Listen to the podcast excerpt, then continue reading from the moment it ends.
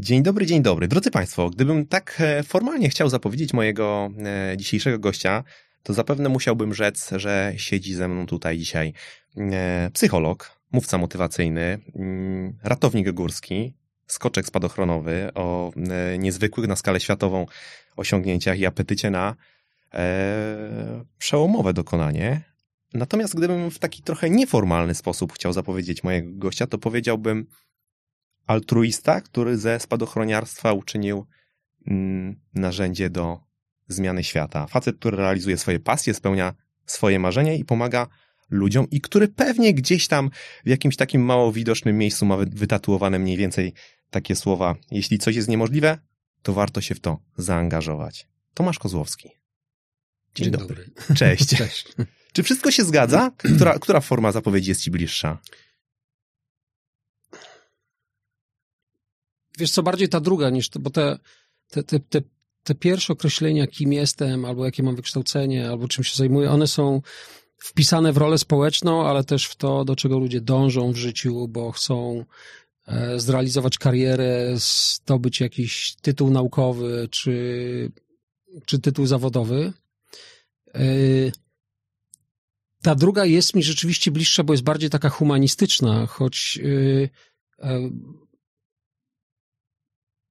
choć za duże to słowa na moją osobę. Bo jesteś skromny. Mm, wiesz, ja jestem bardziej realistą wobec siebie. Ja po prostu w moim życiu znalazłem yy, coś, co mi odpowiada. Wiesz, jak myślę sobie o amerykańskich samochodach z lat mm. 70., jak, które widzę teraz mieszkając w Kalifornii, ludzie jeżdżą tymi potężnymi samochodami, to się przyglądam na to z punktu widzenia człowieka, któremu ma być wygodnie duże drzwi, duże kanapy i tak dalej, i tak dalej. I ja w pewnym sensie znalazłem taki, taką kanapę, na której ja usiadłem i tu jest wygodnie, nie? Tu, wiesz, kręgosłup mi nie pozwala na taką pracę, to mi nie pozwala na taką pracę, niecierpliwość na taką, a tu jest akurat znalazłem taki, taką rynnę, w której ja po prostu płynę, nie wiem, gdzie to idzie, ale ja się w tym dobrze czuję i i wiesz, realizując pasję i pomagając ludziom, ja po mhm. prostu robię coś, co coś, może nawet nie coś, co umiem, ale coś, z czego nie wylecę z powodu mhm. mnóstwa atakujących mnie przeszkód, wiesz, i, i wybojów, i, i zniechęceń, i poddawania się, i wszystkiego tego, co, co trzeba w jakimś sensie pokonywać, ale wiem, że okej, okay, ta droga taka jest. Okej. Okay. Wiesz co, to pomaganie ludziom i, i, i te przeszkody, myślę, że ta e, odpowiedź twoja i to, co teraz powiedziałeś, stanie się jeszcze bardziej pełne i bardziej jaskrawe na koniec naszej rozmowy dla, dla słuchaczy, e, kiedy, kiedy poznają trochę twoją historię. I ja bo trochę chciałbym od tego zacząć. Nie ukrywam, że ja w sercu również mam gdzieś e, to lotnictwo. Jest mi trochę wstyd, że mm, szykując się do tej rozmowy, ja trochę odkrywałem Twoją historię po raz pierwszy. I takie jest trochę moje pierwsze pytanie. Mm, jak to się dzieje, że na świecie, że za granicą jest o Tobie głośno, że w Wielkiej Brytanii, bo do takich informacji dotarłem, w ramach wsparcia i zaangażowania sadzone są drzewa, żeby, żeby e, kompensować ślad węglowy projektów, w których e, uczestniczysz, że zaprasza cię Richard Branson na, na, na, swoją wyspę, że e, Kevin Lynch robi ci zdjęcia a w mhm. Polsce właściwie niewiele o tym słyszymy.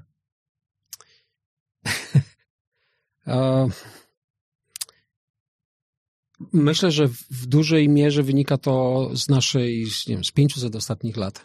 Mhm. E, kultury folwarcznej, potem zaborów i wiesz, tego, że zniknęliśmy, potem jedna i druga wojna, potem komuna i, i my jesteśmy w takim momencie, gdzie dostaliśmy bardzo trudny zasób do obrobienia, czyli wolność. W Stanach Zjednoczonych wolność jest zawsze, nawet w czasie wojny y, też tam wolność była, bo, bo wojny zawsze były poza terytorium tego kraju i, i ludzie, z którymi tam rozmawiam i, i, i z którymi, którzy mi pomagają, to są ludzie, którzy nie byli tknięci takimi wahaniami, jak, jakimi my jesteśmy tknięci. I jak ja y, y, dzisiaj porównuję Stany do Polski, to ja nie, nie, nie, patrzę na sytuację gospodarczą, czy wiesz, na tego typu rzeczy, ale na przykład na to, jak mi się jedzie samochodem po ulicy, po, po autostradzie. Mm.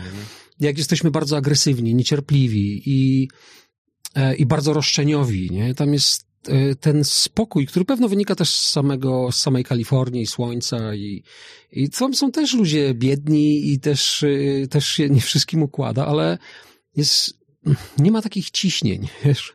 I wydaje mi się, że... Ludzie potrafią trochę inaczej oddychać. Tak, ja w większym stopniu to akceptują, wiesz, nie ma takiego czegoś... U nas ta rywalizacja, yy, która, do której my mamy prawo dzięki Lechowi Wałęsie, patronowi projektu, już od tych kilkudziesięciu lat możemy właśnie otwierać biznesy, robić coś. Jesteśmy w tym świetni, bo mieliśmy hmm.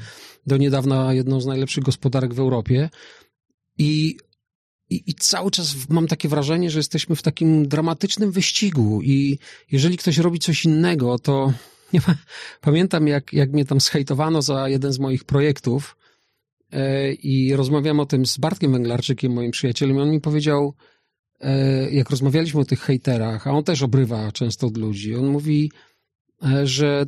Jak, oni... Przepraszam, że ci przerwę, jak większość osób, która chce czegoś więcej. Tak, tak. Wiesz, tak, większość czegoś więcej niż wszyscy, bo mm -hmm. wiesz, mhm. to, to może oni chcą mniej, ale on powiedział mi takie coś, że im nie zależy na tym, e, żeby być na twoim miejscu. Oni chcą, żebyś ty był na ich. Mm. Ponieważ oni spostrzegają swoje życie na przykład jako trudne, albo mają jakieś kłopoty, wiesz, no, są nieszczęśliwi. Ja myślę, że gdyby ludzie byli szczęśliwi, nie zajmowaliby się życiem innych ludzi. I, e, i wiesz, ja, ja uważam, że my powinniśmy zmierzać do tego, żebyśmy byli szczęśliwi. Mnie uszczęśliwia uszczęśliwianie innych ludzi. I, i wiesz, nie jestem w stanie zaakceptować takiej sytuacji, że są dzieci, które nie mają domu na mm -hmm. przykład. Albo, że, że, że wiesz, że, że dzieci umierają na choroby, chociaż na świecie są dostępne szczepionki. Bo ja początkowo chciałem zebrać pieniądze na to, żeby wykupić patent na szczepionkę i go po prostu uwolnić, mhm. ale tam parę osób mi wyjaśniło, że i tak skorumpowane rządy będą to sprzedawać i ostatecznie w wyniku historii, które mam nadzieję dzisiaj opowiedzieć, e, zająłem się tym, żeby pomagać dzieciom uchodźców mhm. klimatycznych i wojennych. I zaraz o tym będziemy wszystkim rozmawiali, o tym, że to ten drugi człowiek cię właśnie, właśnie bardzo, tak. bardzo mocno napędza. E, wiesz co, dobrze, to przybyliśmy tę twoją historię, no bo tak jak powiedziałem, ona jest trochę mało znana w naszym kraju, e, a szkoda. E, zacznijmy od e, twojego spadochroniarstwa. Ile masz w tym momencie skoków na koncie? 2200 jakoś mhm. tak. Blisko 2200. Okay. Blisko, blisko 2200. No więc ja bym się chciał trochę cofnąć w czasie, bo potrzebujemy do, do pytań, które mam do ciebie pewnego kontekstu i właśnie tym kontekstem jest perspektywa pisana właśnie twoim życiem. Pierwszy twój skok. Od momentu, kiedy pomyślałeś o tym, że, że ten skok e, chcesz wykonać i że chcesz skakać, no minęło trochę czasu do chwili, kiedy go wykonałeś. Tak, ja, ja y, urodziłem się w Bolesławcu, gdzie była jednostka specjalna i tam się kiedyś żołnierzom zepsuł śmigłowiec i oni tak na granicy tego miasta y, lądowali. Ja widziałem po prostu takie lądowanie. Mm. Idąc no, z mamą czy z tatą, nawet nie pamiętam z kim tam szedłem wtedy. I i powstało we mnie takie marzenie, że ja chcę być spadochroniarzem. W tym samym roku też byłem w górach po raz pierwszy i rozmawiałem tam z ratownikiem Stefanem Szczurowskim, który wydawało mi się, że ma z 9 metrów, wtedy jak z nim mm. rozmawiałem, który, z którym się potem przyjaźniłem, jak wstąpiłem do pogotowia górskiego, czego e, ja, ja tylko miałem marzenie, to ja, ja tego nie realizowałem. To nie było tak, że ja byłem w takim jasno zaplanowanym, e, wiesz, wymyślonej procesie, sobie procesie, który realizowałem krok po kroku. E, choć wiem, że tak trzeba robić, ale moja historia jest napisana przez życie. To każde wydarzenie powodowało, czy drzwi, które się otwierały, otwierały mm. kolejne i kolejne i kolejne. I ja skoczyłem w e, pierwszy raz mając 37 lat. 37 albo 38. I było to tak, że jak, jak byłem instruktorem ratownictwa górskiego, to szkoliłem żołnierzy gromu e, na śmigłowcach. To chodziło tylko o pewne techniki ratownictwa z użyciem śmigłowców, podbieranie poszkodowanych, czy tam takie lądowania w trudnym terenie, co oni i tak robili lepiej od nas, ale, mm. ale chodziło tam o, o, o, pewne patenty takie i, i ja się zaprzyjaźniłem z nimi, oni mnie potem wzięli na kurs i skoczyłem sześć razy i potem postanowiłem po męsku podnieść sobie poprzeczkę do dwunastu. Mm. A potem mnie to wessało, bo to jest narkomania straszna. to się wciąga, po prostu sam wiesz, jak tak. to jest. Nie wiem, kto to powiedział chyba Da Vinci, o ile się nie mylę, że jeżeli raz zapragniesz, jeżeli raz chyba polecisz, to już zawsze będziesz patrzył w chmury. Nie? Tak, już zawsze inaczej patrzy się w niebo. Tak. Później już zawsze inaczej I rzeczywiście tak jest. Ja, mhm. ja miałem tak, że jak byłem w górach, to wszystko, co widziałem dookoła, patrzyłem na to jak na y, wspinaczkę, gdzie można się złapać. Czy to mhm. był mur, czy to był budynek, cokolwiek. Dzisiaj mam tak automatycznie, automatycznie, czy tu się da wylądować, czy na przykład linia będzie wysokiego napięcia będzie przeszkadzać, czy coś mhm. takiego. I E, I jak zacząłem skakać, to, to to mnie wessało i w wyniku tego, że moja żona zaczęła robić aplikację radcowską, ona jest radcą, to y, zacząłem e, jeździć na weekendy i skakać mm. zawodowo. Jeździć na weekendy i skakałem jako kamerzysta, a ona w tym czasie miała y, weekend, żeby się przygotowywać do, do egzaminu. I, I tak zrobiłem z 800 skoków. Mm -hmm. No i potem moi koledzy którzy przygotowywali skok. I właśnie to bym chciał, do tego ja bym chciał e, zrobić krótkie wprowadzenie, bo mam wrażenie, że właśnie to jest taki, e, zmierzam, e, ty prawdopodobnie zmierzasz do, do polskiej stratosfery, tak, tak. więc ja bym chciał e, może taki, takie małe wprowadzenie tylko powiedzieć, że mam takie poczucie, że to był bardzo przełomowy moment i taki, e, taki trochę zaczyn, który w pewien sposób właśnie przekuł spadochroniarstwo w to narzędzie tak. do pomagania, e, pomagania innym. E, narzędzie, które pozwala ci szerzyć trochę ten właśnie altruistyczny e, pierwiastek. To 11 kilometrów, o, o, czym chciałbym, żebyś nam zaraz opowiedział. Mm. I chyba trochę postać Mirosława Hermaszewskiego. Och, tak, ja, ja jako dziecko, to, to taki bohater mojego mhm. dzieciństwa. Mm. Jak, jak potem byłem u niego w domu, to nie mogłem w to uwierzyć, że siedzę, siedzieliśmy w takim maluteńkim pokoiku, gdzie było mnóstwo pamiątek. To było, ja mam takie wrażenie, że te, z tych ścian to się zlewało mm. po prostu. I mówił, to dostałem od tego, a to miałem w kosmosie, a to było gdzieś, no po prostu niezwykłe to było. Dla mnie sobie myślałem, że jako właśnie taki mały chłopak, w takich kręgach betonowych się bawiłem, że i byłem Hermaszewskim, który lądował na Księżycu. Nie mhm. wiem dlaczego, ale tak się wtedy bawiłem. Okay. I jak po latach zobaczyłem film Overview Effect, mhm. to zrozumiałem, że ja wtedy owszem chciałem być kosmonautą czy astronautą, a po tym filmie zrozumiałem, że, że ja miałem ogromną potrzebę bycia tam na górze, mhm. zobaczenia Ziemi z perspektywy planety. Więc mi nie mhm. chodziło o to, żeby być astronautą, tylko żeby polecieć w kosmos. Okay. I doświadczyć tego, tej, to, tej perspektywy. To, to jest... To, to ja, jest, ja jestem przygotowany. To ja może naszym słuchaczom tylko przybliżę, bo oczywiście można sobie to znaleźć w internecie, czym ten overview efekt jest, mhm. ale ja mam e, dwa zdania. Po, pozwolisz, Proszę, że wtrącę. oczywiście. E, badacze scharakteryzowali ten efekt jako stan zachwytu z cechami wykraczającymi poza zasięg ludzkiego poznania, wywołany szczególnie e, uderzającym bodźcem e, wzrokowym. Najbardziej widoczny wspólny aspekt osobistego doświadczenia Ziemi z kosmosu to przytłaczające emocje oraz zwiększone poczucie połączenia z innymi ludźmi i Ziemią jako, e, jako całości. I jeszcze jedno zdanie, tylko dodam. Efekt ten może powodować zmiany w samopoczuciu obserwatora, systemie wartości i może być transformujący. To jest to, o czym w tym tak. momencie mówisz. Ja pamiętam, że miałem kiedyś jakiś taki ciężki dzień i wstałem wcześniej rano, siadłem do komputera, włączyłem tak bezwiednie komputer, żeby zająć czymś głowę i, i ten film mi po prostu wyskoczył. Mm -hmm. I po prostu rozłożył mnie na łopatki. Ja go oglądałem cały czas i... Wtedy zrozumiałeś, że to o to chodziło? Tak, tak. Ten film pozwolił mi zrozumieć to, że, że ja potrzebuję w życiu perspektywy, że, że, mm. że ta perspektywa jest nie tylko fizyczna, tak jak oni o tym mówią, ale jest też, dla mnie ta perspektywa też jest w czasie, w zrozumieniu. Ona mhm. jest, jest wielowątkowa. Metafizyczne przeżycie. Tak, tak. I, i, i pamiętam, że e, któregoś dnia myślę, kurczę, przecież powinienem napisać do tych ludzi. Nie? Dlaczego mhm. nie? Wiesz, i, I napisałem i David Beaver mi odpisał, współtwórca tego, tego instytutu, bo oni to zrobili on, Frank White mm. i, i Edgar Mitchell, który był e, szóstym człowiekiem na Księżycu i spędził tam najdu, najwięcej czasu, 22,5 godziny. I, i a on mi, a David mi odpisał po sześciu godzinach. Po prostu tam się u nich zrobił dzień, on bardzo wcześnie staje. Dzisiaj jest moim najbliższym przyjacielem. My rozmawiamy czasami dwie godziny dziennie i kiedyś miałem z nim takie spotkania raz w tygodniu, mhm. po pół godziny, po godzinie, po, dwóch, po dwie godziny. I, a, i on. Y, my bardzo dużo rozmawialiśmy na, na temat tego efektu i on mi też bardzo dużo mówił o tym, bo, bo oni od 40 lat się zajmują badaniem astronautów i mówił mi też, że. Y, że wielu astronautów to są inżynierowie i oni tego nie doświadczają, ponieważ nie są na to otwarci. Do tego można się raz troszeczkę przygotować, ale świetnie powiedział mi to generał Hermaszewski. I to właśnie wtedy, jak siedzieliśmy tam u niego w domu.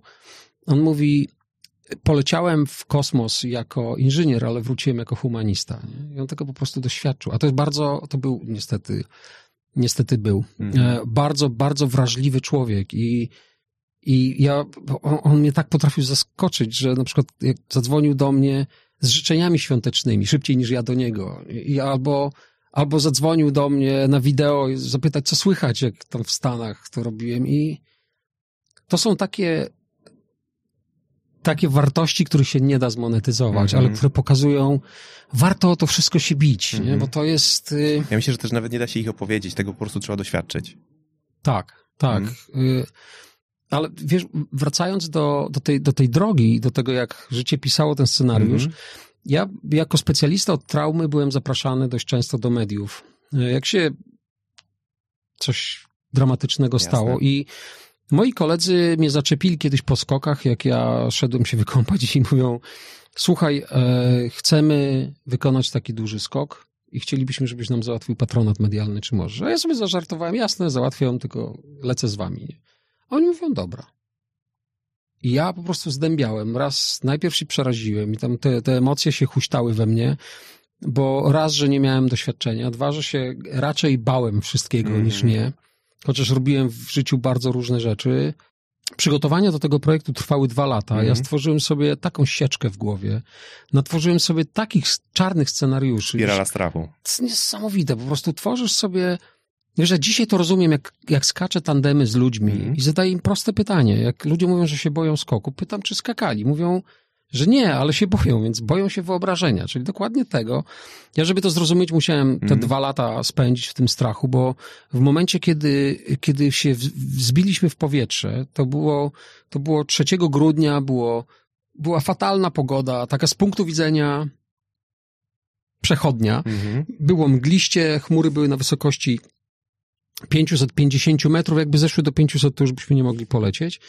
I my wystartowaliśmy i przeszliśmy przez taki no, pra, prawie tysiącmetrowy e, ten wał tych chmur i nagle wyskoczyliśmy jak spławik. Mhm. Wiesz, i, I to wszystko, klik, zniknęło w jednej sekundzie, bo były, bo ten, ten, to co tam zostałem było w pewnym sensie prymitywne, ale było tak piękne, bo to było odarte z tego wszystkiego, o czym my się dzisiaj zarzucamy w życiu. I, bo tam, tam były tylko, tylko te chmury, tylko błękit i tylko słońce. Mhm. Koniec. Ja śmiem twierdzić, że przebywanie nad chmurami to jest e, najwyższa forma medytacji, ale to jest moja prywatna diagnoza i nie każdy musi się z nią zgodzić. Wiesz, ja, e, ja nie potrafię medytować. Mhm.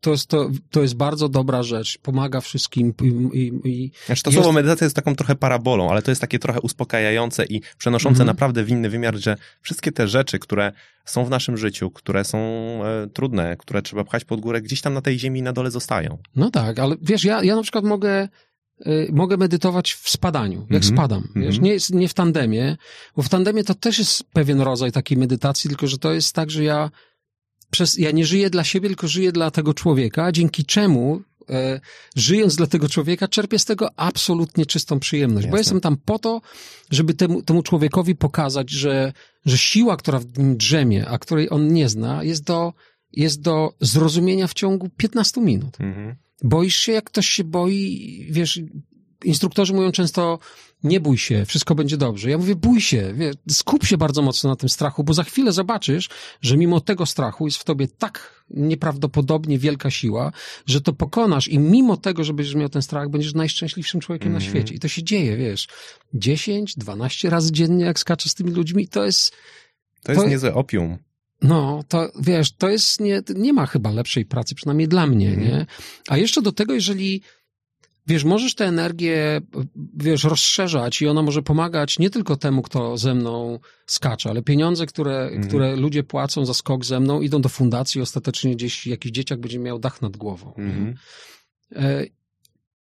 Dobrze, Tomku, ale ja bym chciał, żebyś jeszcze opowiedział mm. do mhm. końca te, te 11 kilometrów, no bo to był bardzo przełomowy moment i to, co się później wydarzyło i też to, co się wcześniej wydarzyło. Ja nie bez, e, bez kozery zapytałem, e, czy wprowadziłem ten wątek tych 11 kilometrów i, i, e, i postaci Hermaszewskiego z racji tego, że to był taki moment, który sprawiał, że, sprawił, że przynajmniej w, w, z mojej perspektywy, że zacząłeś przekuwać właśnie to spadochroniarstwo na, na robienie dobra, czynienie dobra, wykorzystywanie mm. jako narzędzia, żeby poprawić jakość życia innych ludzi, żeby malować uśmiech na twarzach innych ludzi, żeby czynić dobro po prostu. Przez przypadek oczywiście. Przez przypadek. E, Wiesz, bo jak, jak ja wylądowałem, czy jak my wylądowaliśmy, zadzwoniłem do generała Hermaszewskiego, mm -hmm. bo tak się z nim mówiłem, bo on nie mógł przyjechać i, e, i on mówi do mnie, panie Tomku, jak ja wróciłem z kosmosu, to wziąłem kartkę i długopis i napisałem to, co miałem w głowie. Niech pan zrobi to dzisiaj. Dzisiaj, nie jutro, bo jutro to będą zupełnie inne odczucia. I ja tak zrobiłem. Napisałem dwie strony na temat samego wznoszenia się balonem i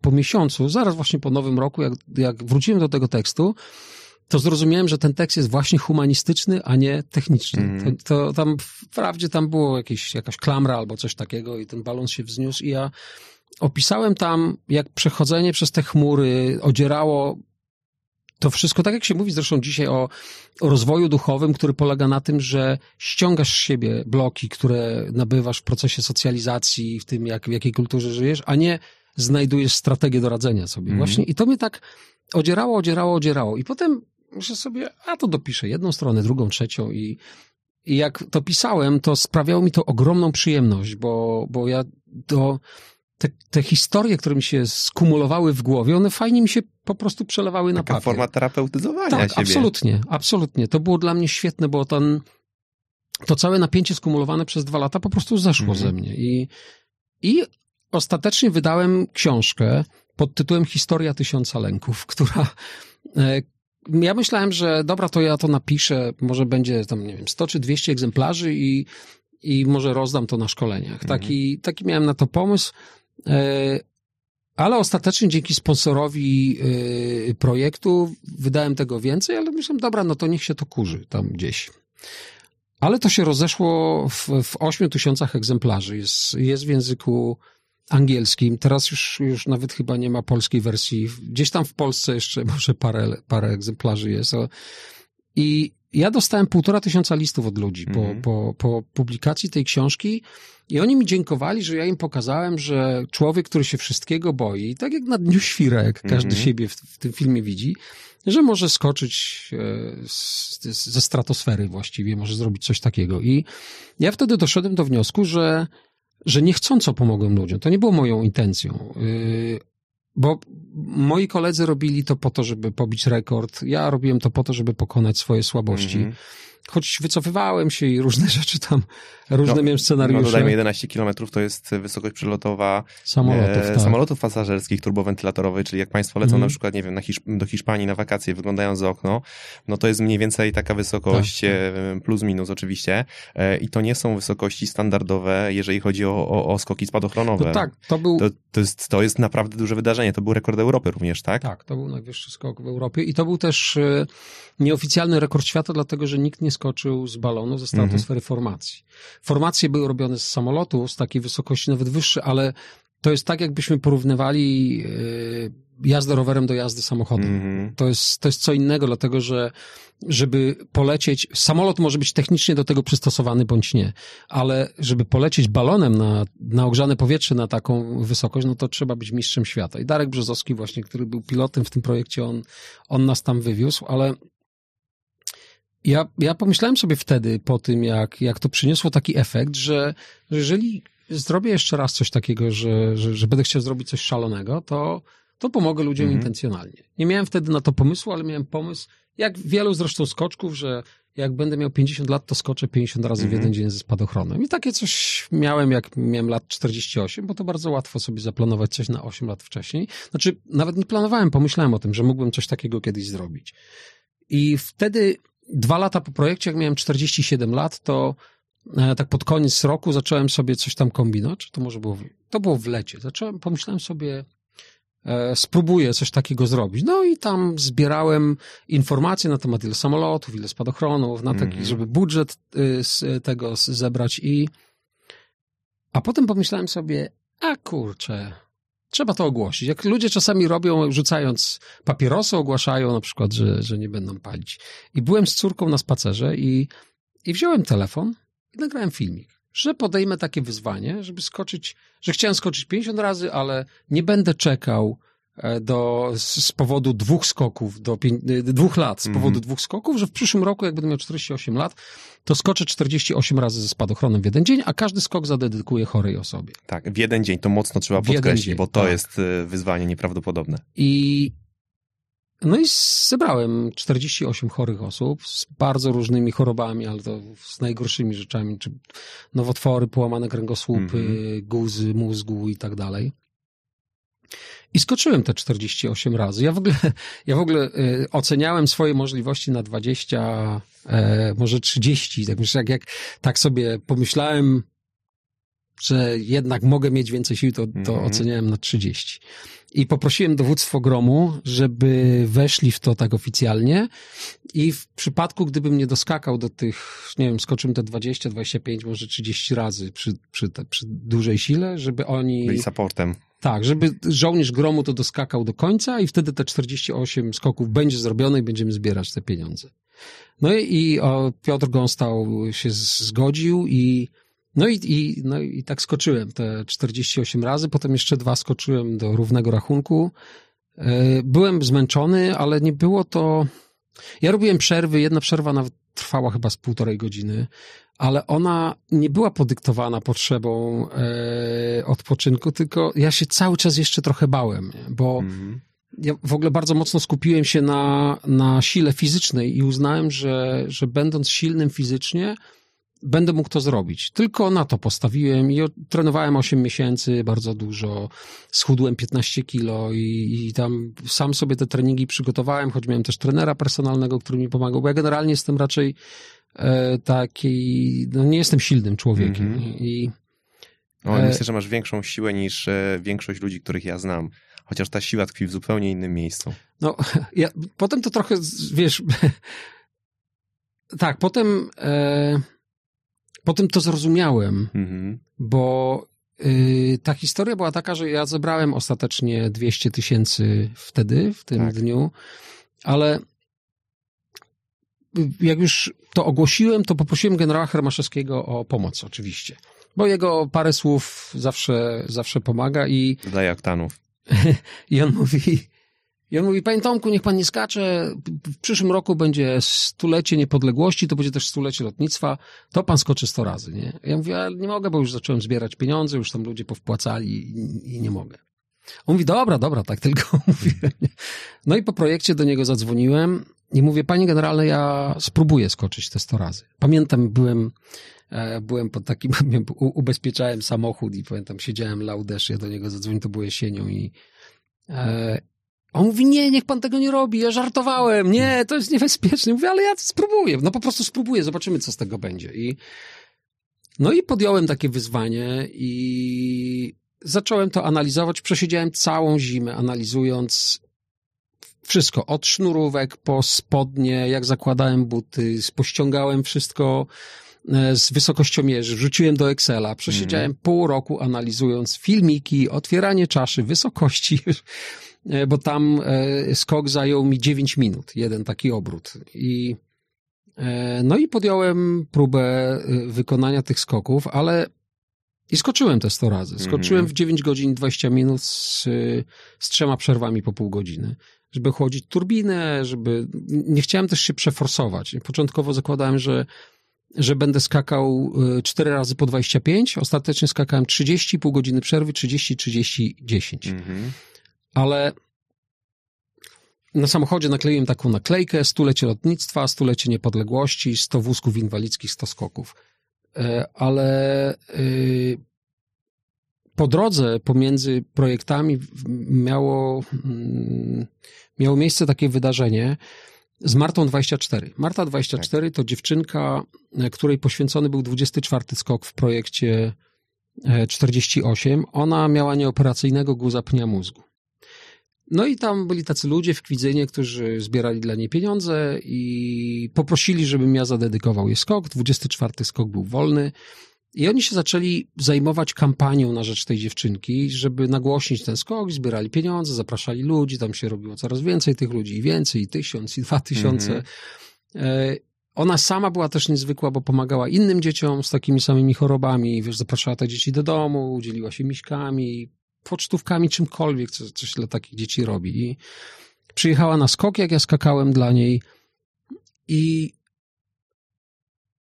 i w kwietniu e, w trakcie moich przygotowań do projektu 100, 16 kwietnia napisałem do Justyny, do jej mamy na Messengerze, że chcemy przyjechać, odwiedzić Martę, posiedzieć mhm. z nimi, bo, bo, bo, się tak zaprzyjaźniliśmy z jej rodzicami, że napić się piwa, posiedzieć sobie tam na tarasie. I, i ona mi napisała, yy, nie dasz rady, bo Marta właśnie odchodzi. To się dzieje teraz. Ja napisałem, dobrze, to przyjedziemy jutro. Myśmy mieszkali w Warszawie, oni tam na, na, e, na północy i yy, ja napisałem, dobrze, będziemy rano. Ona mówi, nie dasz rady, bo to, to, to jest kwestia minut.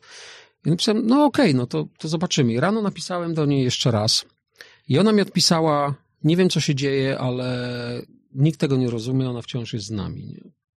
Ja mówię, dobra, to budzę dziewczyny i jedziemy. Czyli naszą półtoraroczną wtedy córkę i moją żonę. I ona mi odpisała, jak chcesz, twoja decyzja. Mhm. I to był koniec naszej korespondencji. I ja poprosiłem moją żonę, żeby obudzić Anię, bo Ania nienawidziła jeździć samochodem, nasza córka. Musieliśmy ją najpierw parę godzin zmęczyć, dopiero potem wsiąść do samochodu i, i ja zawsze bardzo wcześnie wstaję, a dziewczyny później. No i tam je budziłem i, i Paulina do mnie mówi spokojnie, nie musimy się śpieszyć, ona na ciebie zaczeka. Paulina jest właśnie taka, taka spokojna. Ja mówię, nie, nie, jedziemy, bo to, bo to musimy po prostu jechać, nie? I tam obudziłem tą Ankę naszą i tam się bawiliśmy z nią i Przyjechaliśmy tam o 15.40 pod ich dom. Maciek po nas wyszedł, jej tato. I Paulina za nią zostały w salonie. Ja poszedłem do sypialni, gdzie Marta leżała na łóżku i położyłem się obok niej. Pocałowałem ją w policzek, wziąłem tą mm -hmm. kruchą rączkę i powiedziałem: Marta, obiecuję ci, że poświęcę moje życie na pomaganie takim dzieciom jak ty. Mm -hmm. I jej mama powiedziała wtedy, która siedziała obok nas, mówi: Marta, jeżeli jak już będziesz aniołkiem, to proszę opiekuj się wujkiem Tomkiem, jak będzie skakał ze spadochronem. Ja na godzinę później umarła i yy, wiesz, ta, to wydarzenie było takim dla mnie chyba też takim momentem, że ja zrozumiałem, że to jest po prostu moja droga. Tu, mm. tu nie chodzi tylko o, o, o obietnicę złożoną temu dziecku, ale chodzi też o to, że to, to, to jest coś, co ja w jakimś sensie potrafię robić. Ja się do tego jakoś nigdy nie przygotowywałem, mm. ale jak sobie myślę o moim życiu, to czy to była psychologia, czy ratownictwo górskie, czy skoki, no. czy byłoby to kowalstwo, czy dekarstwo, czy cokolwiek, to ja, ja, ja ostatecznie przez, w moim życiu robiłem rzeczy i robię rzeczy, które kocham, i które jestem w stanie przekuć na pomoc mhm. drugiemu człowiekowi. No, no, i właśnie to jest, e, ja ci nie przerywałem, bo ty bardzo e, pięknie opisałeś całą tę historię, tę historię, która właśnie uważam, że powinna być dosyć szeroko znana i, i to, co też na horyzoncie, do czego zaraz sobie przejdziemy, E, bo to jest trochę tak, przynajmniej z mojej perspektywy, że to pierwotnie trochę strach zmienił wektor twojego życia, czyli to, co działo się na początku. E, później książka i, i te wszystkie doświadczenia i projekt 48 i projekt 100, w którym zacząłeś pomagać ludziom e, i, i który przynosi, przynosił bardzo, bardzo dobre efekty, który nie był ogromną kampanią z, zrealizowaną przez, przez ogromną firmę, tylko właściwie twoją inicjatywą i to, to, to, to pomaganie drugiemu człowiekowi bardzo mocno cię napędzało i wciąż cię napędza i to słychać w, twoich, e, w twoim głosie, to wybrzmiewa bardzo, bardzo jaskrawo, że to ten drugi człowiek i, i chęć pomocy drugiemu człowiekowi jest ważna i to jest takie trochę moje pytanie, zanim przejdziemy do tej dalszej części, bo zarówno projekt 48, jak i projekt 100 e, skoków zamknąłeś sukcesem, zamknąłeś się ogromnym sukcesem, mimo że też poniosłeś pewne koszta z tego tytułu, zwłaszcza w projekcie 100. 100 tysięcy. 100 tysięcy, czyli, czyli kredyt wziąłeś na to, żeby, żeby, żeby móc te, te skoki wykonać, żeby móc pomóc innym, innym ludziom. Natomiast, wiesz co, ja mam takie trochę pytanie, czy ty myślisz, no bo jakbyśmy spojrzeli szerzej na twoją historię, nawet wcześniej, mm, kiedy pracowałeś jako psycholog, Zawsze w tym wszystkim chodzi o drugiego człowieka. Teraz e, spadochroniarstwo, które jest narzędziem do tego, żeby zwrócić uwagę e, ludzi na los innych, na los potrzebujących i żeby pomagać. Czy ty myślisz, że mm, taki altruizm i takie e, dostrzeganie drugiego człowieka to jest coś, czego można się nauczyć? Czy to jest coś, co trzeba mieć w genach, coś, co trzeba wynieść z domu? Wiesz, co są. To jest wielowątkowe. Jak patrząc na to tylko i wyłącznie z punktu psychologii czy teorii psychologicznych, altruizm jest w pewnym sensie dość dobrym biznesem, dlatego że troszcząc się o innych, e, masz pewną gwarancję, że inni zatroszczą się o, o, o, ciebie. Mówię tylko o mechanizmie psychologicznym, nieważne czy to działa, czy nie. Mhm. Wzrasta twoja samoocena, bo, bo, bo robisz coś, co jest społecznie ważne i co jest doceniane przez innych. I, e, I ludzie w to często wchodzą, bo wiesz, bo to jest taki, to też jest taki trochę narkotyk, nie? Ja, ja byłem ponad 400 razy, ratowałem ludzi w górach i 7 razy nie udało nam się tych ludzi uratować, co dewastuje dramatycznie człowieka, e, ale, ale miałem, miałem też taką sytuację, gdzie uratowałem ratownika niemieckiego, który był w lawinie, wygrzebałem go rękoma, palcami tak mm. naprawdę, żeby oddychał i i wydaje mi się, że ja, ja, ja, ja, ja nie określam siebie jako altruistę. E, ja po prostu, wiesz, parę dni temu napisałem sobie w telefonie coś takiego, nawet niedokładnie pamiętam, jak, jak to napisałem, ale jak się zastanawiałem nad motywacją, czy masz motywację, czy nie masz, uważam, że to ma mniejsze znaczenie, bo ludzie bardzo często, jak słyszę, poszukują motywacji do celu, więc ja, ja sobie napisałem tak, że że motywacja nie jest potrzebna do osiągnięcia celu. Jeżeli chcesz go osiągnąć, to ten cel musi być tak duży, że on cię przyciąga bez motywacji. O czym myślę od razu o planecie, wiesz, o, mm. o masie, która, która tworzy grawitację. On ma, on, to, ten cel ma być, ma przekraczać twoje możliwości. Rezonować w twojej głowie. Tak, on mm. ma, on, on, wiesz, i to wtedy działa. I mm. ja, ja yy, rozumiem to tak, że działanie na rzecz dobra innych ludzi y, jest po prostu dla mnie ważniejsze, ale jest też ważne dlatego, że ja się z tym dobrze czuję. Ja uważam, że, y, że, że to jest naszą powinnością, że my powinniśmy się troszczyć o słabszych. I można to robić Wiesz, to jest normalne, że jak, jak staruszka przechodzi przez ulicę, to ktoś ją przeprowadza, mm. nie? Że ludzie sobie robią zdjęcia, wiesz, biorą telefon i, i dając komuś stówę robią sobie zdjęcie, wiesz, widziałem takiego gościa, gdzieś mi wlatuje na Instagramie cały czas ten film, nie mogę się tego pozbyć. jak, mm. jak facet ratuje żółwia, ale wyskakuje e, z łódki do tego żółwia już z nastawionym tym telefonem na siebie i robi sobie, wiesz, to jest takie My mamy potrzebę społecznego pokazania tego. To jest bardzo dużo oczywiście mechanizmów, które za tym stoją. Y, I wiesz, i mój, mój projekt też musi być pokazany, ponieważ wtedy zbierzemy dużo pieniędzy. Mm -hmm. Ale ja mam jakieś takie.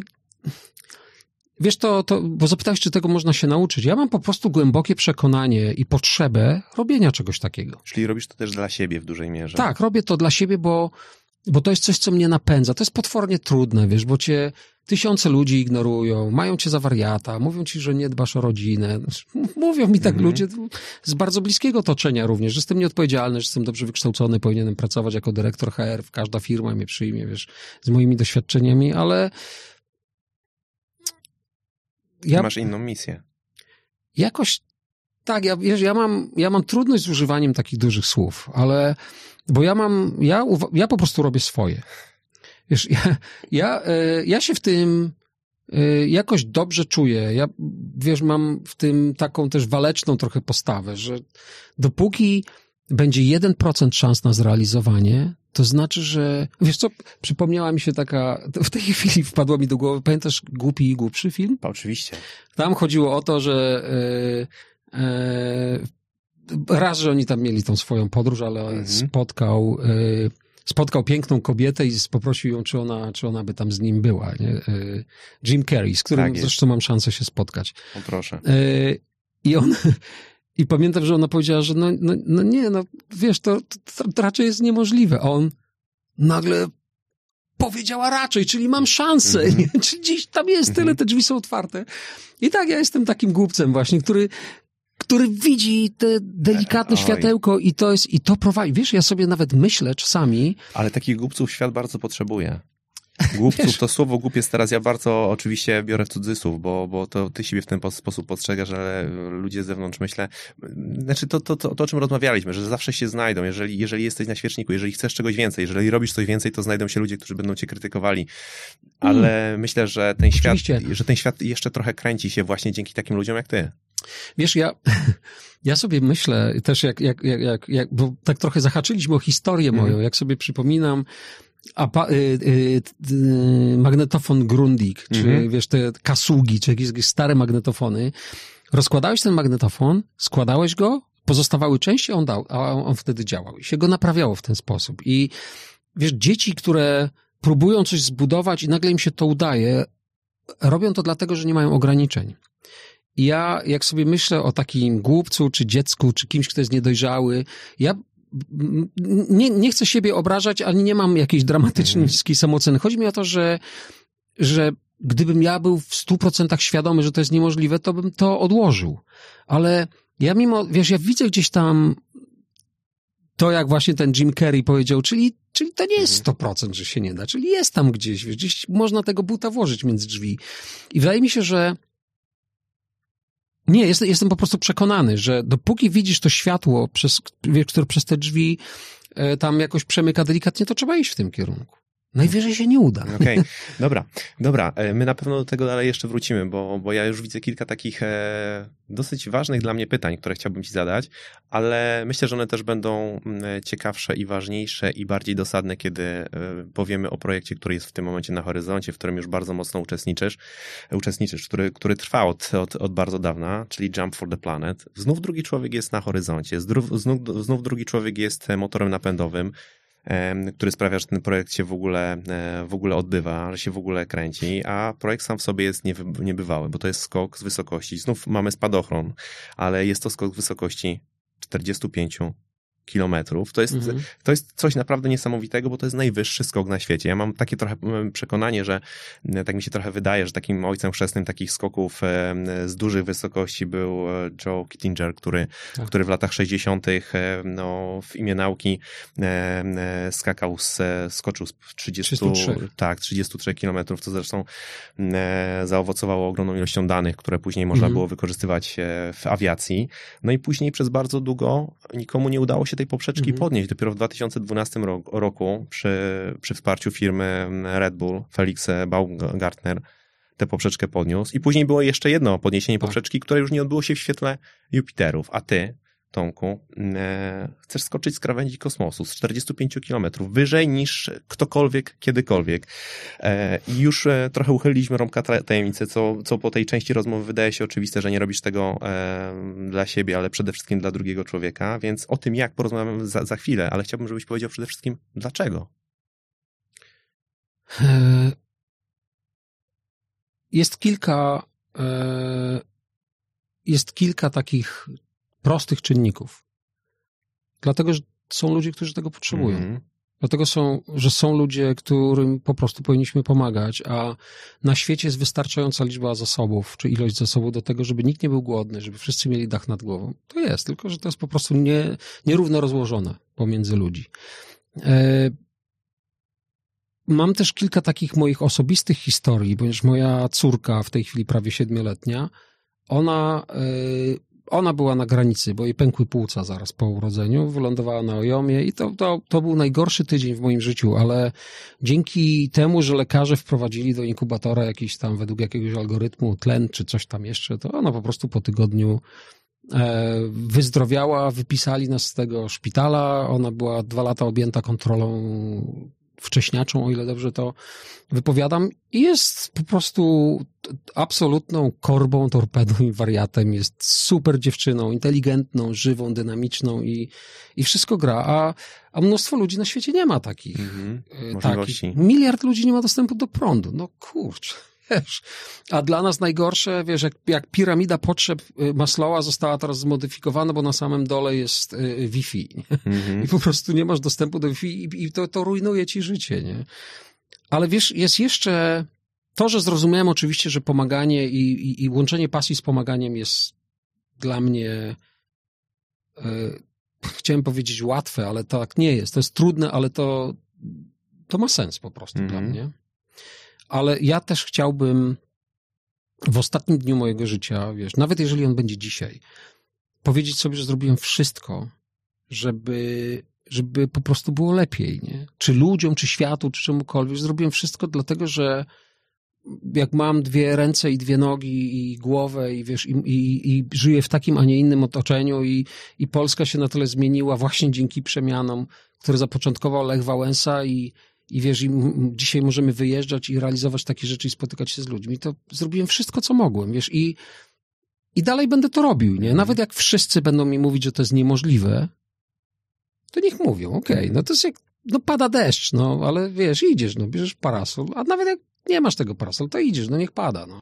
Słuchacie podcastu sieci fitness City E, to wydarzenie ma przede wszystkim zwrócić uwagę świata, tak? tak. Na, na, na globalny problem i stworzyć globalny ruch społeczny który, który, który pomoże uchodźcom klimatycznym, który zbierze pieniądze mhm. na to, żeby, żeby pomagać uchodźcom e, klimatycznym, czyli e, robić właściwie to samo, co robiłeś do tej pory, tylko na tak. zdecydowanie większą skalę. Taka jest idea. Tak, wiesz, to jest trochę, to jest misja ratunkowa. Nawet jeżeli tam ludzie mówią, że ja generuję ślad węglowy trenując, bo, no, bo skaczę z samolotu, ale... ale ustaliśmy, że to już jest kompensowane w Wielkiej Brytanii. Tak, wiesz, ale też zadam tym ludziom pytanie, czy jak zachoruje im dziecko, to w imię właśnie tego, co krytykują we mnie, czy będą chcieli, żeby, żeby y, służby medyczne do nich biegły, czy mają użyć karetki? Mhm. Z, diesel, z silnikiem diesla najczęściej 2,5 litra, jak jeżdżą karetki. I, i, I właściwie to jest odpowiedź na tego typu wątpliwości. To jest misja ratunkowa. Ja chcę osiągnąć kilka rzeczy tym projektem. To, że na, na skalę, jaką udało się zbudować, mówię udało się zbudować, bo ja tego nie zrobiłem intencjonalnie. Było mnóstwo czynników przypadkowych, które spowodowały, że YouTube jest partnerem projektu, że mamy teoretycznie zasięg do prawie dwóch miliardów ludzi i możemy zrobić live streaming w 3D w wirtualnej rzeczywistości i, i, i normalnie na YouTubie, ale zebranie pieniędzy na. Ja, ja, chcę, żeby w tych skupiskach, gdzie jest najwięcej uchodźców, czy klimatycznych, czy wojennych, żeby dostarczyć tym ludziom w ciągu 24 godzin od kataklizmu albo ruchu z tego miejsca, gdzie są bezpieczni, żeby dać im modułowy dom.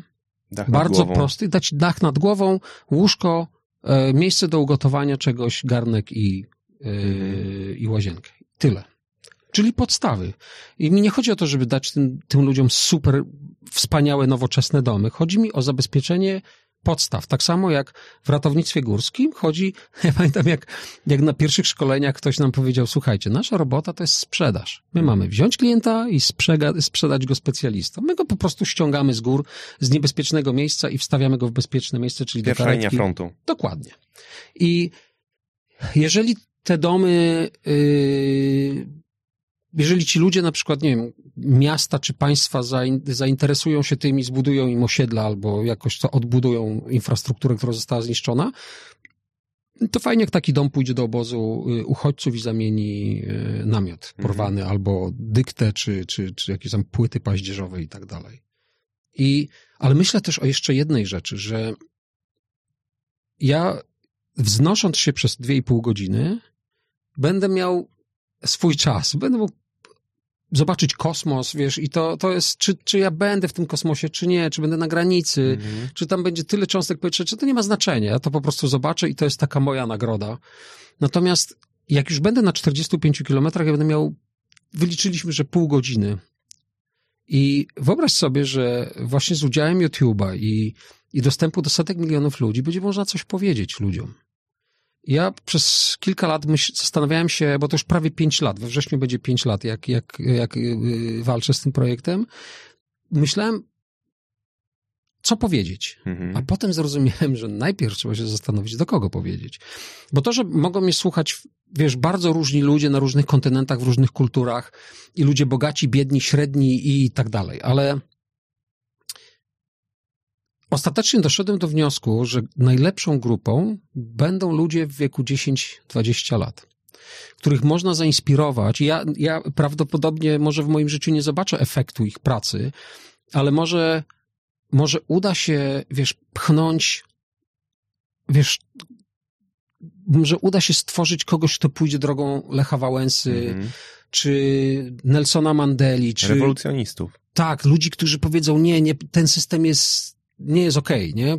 Powinniśmy to zmienić i albo na przykład zmienić systemy edukacyjne, które nie zajmują się planetą tak jak trzeba, które, co bardzo istotne, co stworzył David Beaver, on stworzył centrum identyfikacji planetarnej, tworzy taką grupę naukowców, bo my y, w odnoszeniu do tego, co mówił Edgar Mitchell, do tego, co, co, w, w, co możecie sobie posłuchać i zobaczyć w Overview Effect, -hmm jeżeli coś zobaczysz, to się z tym jednoczysz. I e, my nie mamy identyfikacji planetarnej. Nie identyfikujemy się z planetą. My się identyfikujemy e, z osiedlem, może na przykład grupą domków, osiedlem, dzielnicą, miastem, państwem i to, co sobie stworzyliśmy strasznego, to ogrodziliśmy się murami i granicami.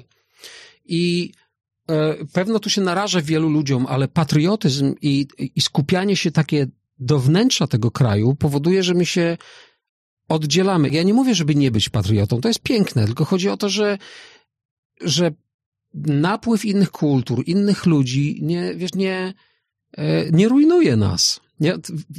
Ron Garan, jeden z astronautów, którzy tam się wypowiadają w Overview Effect, on powiedział kapitalną rzecz, która też jest dla mnie, on, on opowiadał, że, że jak, jak był w promie kosmicznym, to patrzył na stację kosmiczną na Ziemię, na stację kosmiczną na Ziemię, tak kilka razy i potem mówi, że, że to jest niezwykłe, że 50 narodów wspólnie zbudowało coś tak wspaniałego w kosmosie mhm. i potem doszedł do, do takiej konkluzji, że ile moglibyśmy zdziałać wszyscy, gdybyśmy połączyli nasze różnice.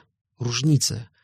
To jest rozwój. Gdybyśmy byli otwarci na drugiego człowieka. Całkiem niedawno powiedziałem właśnie, że móc patrzeć przez okno drugiego człowieka to jest absolutny przywilej i e, móc widzieć jego perspektywę, słyszeć jego głos, nawet z, z którym nie, niekoniecznie musimy się zgadzać, to jest e, najlepsze paliwo, które dodaje oktanów naszej codzienności i nas najbardziej rozwija. A ludzie mhm. wciąż są zamknięci na drugiego człowieka. Wiesz, to jest, e, my, my, bardzo często krytykujemy w ludziach to, to, co widzimy w nich, co jest nasze. Mm. Myślimy sobie, jak taki, jak taki głupek może się zachowywać tak jak ja.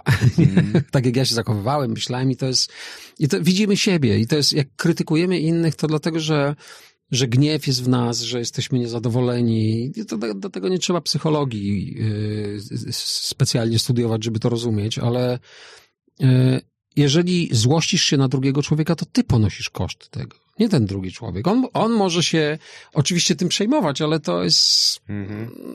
No, każdy ma tam swoją sprawę do przerobienia. I ja przez te projekty i przez to, że raz się skupiałem na, na sobie, czyli na swojej sile fizycznej, a potem, jak przekształciłem projekt 100 yy, e, i zadedykowałem go Marcie, a nie y, lotnictwu i miałem Martę w samolocie na dużym plakacie, miałem ją na kombinezonie i w lutym zerwa... wziąłem udział w takim programie randkowym jako prowadzący z, z nadzieją na to, że, że będę miał większe, większe audytorium, że ludzie będą jakoś mi pomagać. I byliśmy w Hiszpanii przez miesiąc, zerwałem sobie tam łydkę, mhm. e, więc miesiąc chodziłem o kulach. Potem w czasie samego skakania, w 37 skoku naderwałem sobie tu fragment mięśnia i nie mogłem chodzić. Nie? Ale jak sobie potem pomyślałem o tej dziewczynce i o tym, co przechodzili jej rodzice i, i ja, ja, ja wylądowałem po prostu i trochę mnie zdusiło do, do dołu. Straciłem mhm. noszenie w czaszy, bo się wiatr zmienił i tego nie przewidywałem. Po prostu mnie tak przycisnęło do ziemi. No i po prostu coś mi tam mhm. pękło. I, I pomyślałem sobie, skoczę jeszcze raz. Skoczę, choćbym miał urwać sobie tą nogę, to skoczę. I wróciłem do samolotu i Magda Wąsak, tak, ja mam, Magdę mam napis, zapisaną w, e, w telefonie jako Magda Cudotwórca, ona jest -hmm. fizjoterapeutą, jest niezwykła ta dziewczyna i ona ze mną pojechała i mówi, weź, złóż sobie tak dłoń i uderzaj się w to miejsce, ile masz siły. Ja przez te wznoszenie tłukłem się po tej, e, po tej nodze i rzeczywiście skoczyłem i ten ból był akceptowalny. To znaczy on cię nie pogłębiał. Ja doskakałem. Mhm tak e, kulejąc do, do tych mhm. stu skoków i fajnie było pod koniec właśnie przyjechał dowódca gromu, żeby mnie wesprzeć. Ja miałem bardzo obcisły kombinezon, żeby mi się nie zachoczyło jak zobaczyli, że tak kuleję, to, to pierwsze co powiedział, ej, nie było męskich kombinezonów, a potem przestań się mazać, nie udawaj, po prostu rób swoje, tak mnie e, wsparli. Okej, okay, to, to ja mam jeszcze właśnie kilka pytań, bo teraz wracamy trochę właśnie do takiego pola, gdzie pula tych moich pytań też się trochę, trochę otwiera i one myślę, że teraz będą miały większy sens. Chciałbym trochę też dotknąć takich technikaliów, bo na pewno jest to strasznie ciekawe dla ludzi, e, no to jak to będzie wyglądało, no bo jednak jest to wydarzenie przełomowe. Ja mam takie trochę pytanie pierwsze e, może od siebie, bo w lotnictwie procedury to jest takie narzędzie, które pozwala zwentylować e, mhm. ryzyko, tak? To daje nam bezpieczeństwo. I tak się trochę zastanawiam, bo te procedury niestety często pisane są ludzką krwią. No, Natomiast... Dlatego jest bezpieczne lotnictwo. No, dlatego jest bezpieczne też. lotnictwo. Mhm. Natomiast wedle mojej wiedzy skoki ze stratosfery nie odbywają się codziennie, to nie jest e, dość powszechne. I moje pytanie jest takie, czy ty masz się na czym oprzeć, jeżeli chodzi o procedury z takich skoków, czy, czy tutaj stąpasz trochę po nieznanym gruncie? Yy, tak i nie. Dlatego, że tak, rzeczywiście takich skoków były trzy, no może ze skokami mm. treningowymi, które były niższe. Tam jeszcze Rosjanie próbowali kiedyś coś takiego zrobić, jeden zginął, bo tam się rozhermetyzował kombinezon tych. Trochę było tych skoków, mm. takich tam powiedzmy z takiego pułapu 9-10 tysięcy metrów, e, ale też był Polak, który skoczył z 12800 chyba tam zaraz po wojnie z samolotu. Wiesz, największym zagrożeniem w tym skoku jest pierwsze 600 metrów wznoszenia. Dlatego, że jeżeli bym się oddzielił od balonu, balon się wznosi przez 300 y, metrów na minutę, bo -hmm. rozszerzalność helu jest stała. Jeżeli bym się oddzielił, to nie, nie rozpędzę się na tyle, żeby się wypełnił spadochron, ale też nie będzie tak dynamicznej zmiany ciśnienia, żeby zadziałał automat. -hmm. Więc to jest, to jest najbardziej niebezpieczny moment samego skoku. Jeżeli chodzi o kombinezon kosmiczny to jest, to są nie od dzisiaj się to robi. To jest w pewnym sensie tak jak ze szczepionką. Ludzie mówili, jak to, jak wymyślono szczepionkę tam w 7 miesięcy przeciwko COVID-owi. Nie wymyślono już 7 miesięcy, tylko w 100 lat. A to była po prostu kolejna, e, tak jak nikt nie wymyślił nowego, nie wiem, Volkswagena na przykład mhm. dzisiaj, nie? To, to, to jest marka, która ma dużo lat. I e, to, że ja wpadłem na pomysł ta, takiej kampanii wynika z tego, że jak Baumgartner skoczył, to Red Bull zarobił bardzo dużo pieniędzy, e, ale skok był moim zdaniem niebezpieczny, a jak Justas skoczył, to nikt o tym nie wiedział, ale skok był bezpieczny. Mhm. Ja postanowiłem to połączyć. Zdobyć bezpieczniejszą technologię, co zajęło mi półtora roku, żeby w ogóle gość ze mną porozmawiał i zarobić pieniądze w modelu, który, y, mhm. z, z, którego skorzystał Red Bull. To, ten model jest teraz większy niż oni mieli, ale to ja tego nie zaplanowałem. Natomiast ja będę skakał na spadochronie y, tandemowym, dlatego teraz skaczę tandem od dwóch lat i raz, że to jest super przyjemne, jest to też część treningu, y, ponieważ kombinezon będzie ważył, początkowo miał ważyć 150 kg, mniej więcej tyle ważył kombinezon Justasa, Mój już w tej chwili będzie ważył 120 mniej więcej, ponieważ zbiorniki tlenowe są przeniesione na górę. Jest tam parę mm. takich patentów. Jest miejsce na pampersa?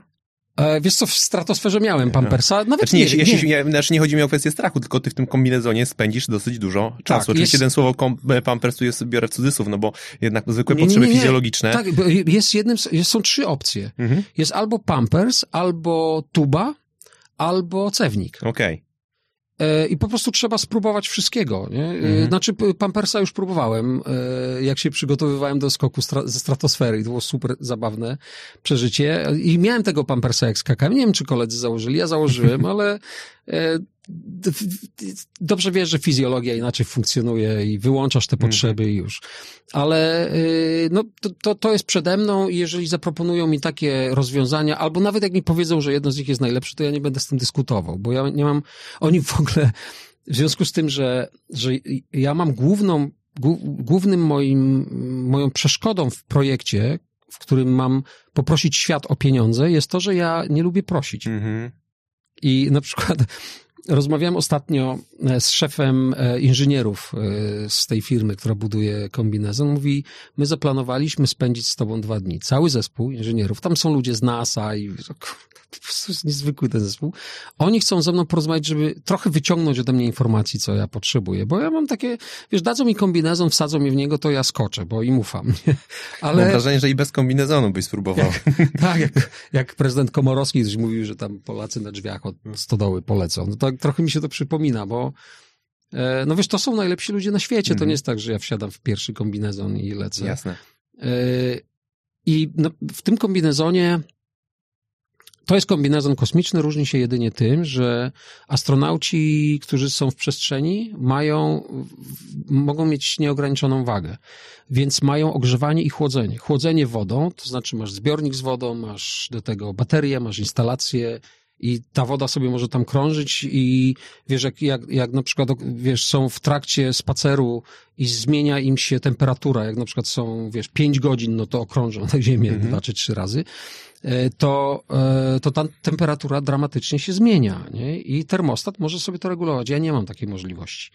Ja będę miał tylko ogrzewanie, a różnica temperatury jest tak, na starcie plus 30, E, na początku stratosfery jest minus 60 i potem temperatura rośnie tam mhm. do, do minus 10. Więc jeżeli ja sobie tego nie dogrzeję bądź przegrzeję, to mogę sobie zrobić krzywdę. Mhm. I no, no na, na, przykład stracić palce. No dobra, to jestem gotów poświęcić palce. Ale yy, jeszcze jednym niebezpiecznym elementem jest to, że jak wiesz, oni to wymyślili tak, że Baumgartner nie chciał mieć yy, draga, czyli tego hamulca, tak, takiego żeby lecieć szybko, żeby pobić prędkość, tak, rekord prędkości. Ja mam, ja mam gdzieś te rekordy. Mhm. Ja nie, nie muszę tego rekordu mieć. Myśmy, ja w ogóle zaproponowałem, że skoczę z 33 y, mhm. kilometrów. A oni sami powiedzieli, nie musimy zrobić rekord świata, bo na trzeci skok nikt nic nie, nie zwrócił A uwagi. że ty jesteś ugodowy w tych kwestiach, to może być 40. Dobra, może być 40. Ja, wiesz co, siedziałem wtedy, jak, jak zadzwonił do mnie ze Stanów ten człowiek, ja siedziałem na... E, w, karwieńskich błotach, siedziałem na jakiejś, na takiej, na takich blaszanych schodach i, i patrzę, dzwoni do mnie ten, myślę, ja pierdzielę, co się dzieje? I odbieram telefon i jedzie koleś traktorem. I po prostu huczy cała ta wioska i mówię, już, już, już, już. I w momencie, kiedy ten traktor przejechał, to drugi koleś na kładzie. I wtedy, wtedy zaczęliśmy rozmawiać, jak to się uciszyło. I mówi, słuchaj, musimy zrobić wyższy skok. To my możemy cię przewieźć z 33, nasze zadanie to sprowadzić cię na ziemię bezpiecznie, ale e, jest, musimy skoczyć wyżej. I on mówi, e, czy jesteś gotowy na to, żeby o tym rozmawiać? Ja mówię, tak, oczywiście. I mówię, no, z jakiej wysokości? On, on, to jest, ten, ten człowiek jest genialny. On ma 53 jego patenty latają w kosmosie. Mhm. I słyszę coś tyk, tyk, tyk, tyk na kalkulatorze. Mówi, wpiszemy 43, ale 45 powinno być spokojnie, nie? Bo jeszcze tam będziemy nad tym pracować. No, no to dobra, nie? Okay. I wiesz, to są takie historie, nie? historia rekordu, e, którego wierzę, że niebawem będziemy wszyscy świadkami.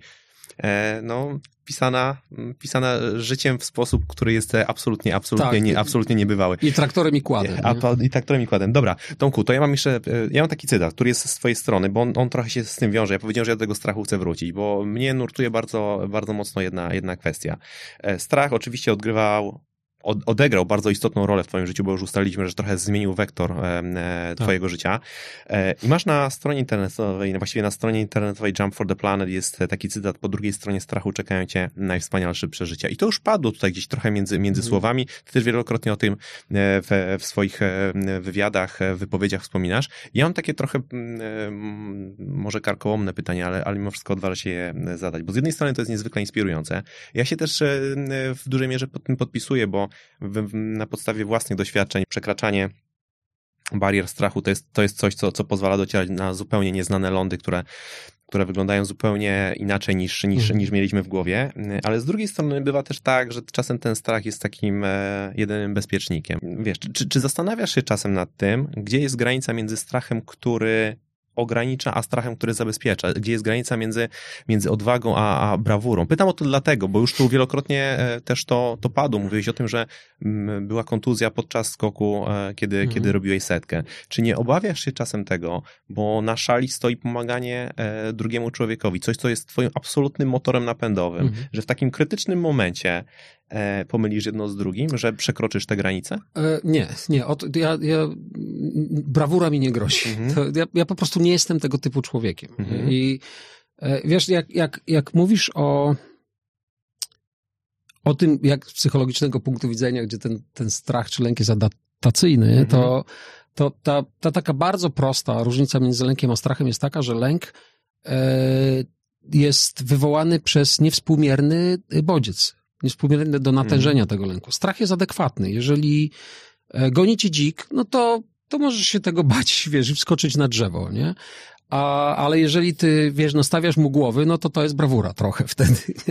Natomiast u mnie jest tak, że ja, m, będąc owładnięty tymi lękami i lękami, specjalnie mówię lękami i przerysowując na przykład jakieś wydarzenie, jak tam wlecieliśmy kiedyś w chmurę burzową i spadliśmy samolotem kilkaset metrów, ja, wiesz, później dopiero zrozumiałem, że pilot, który nas z tego wyprowadził, który nas w to wprowadził najpierw, bo awionika nie zadziałała, coś tam się stało z, z radarem, yy, który, nie, nie pamiętam.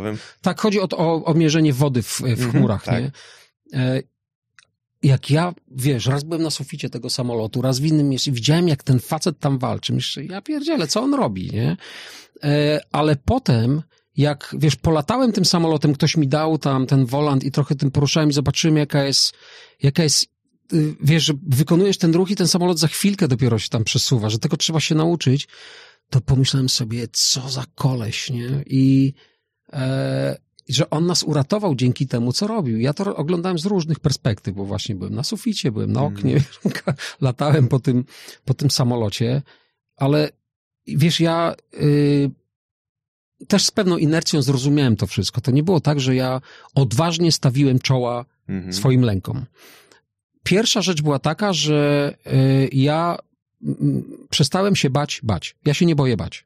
Okej, okay. boję się, to jest dla mnie to jest normalne. Czasami się boję, czasami nie. Po prostu. Zwyczajne ludzkie. Odczuwam to, tak samo wiesz, nie, nie próbuję zapanować nad radością, tak samo nie próbuję zapanować nad lękami, bo to nie ma sensu moim zdaniem.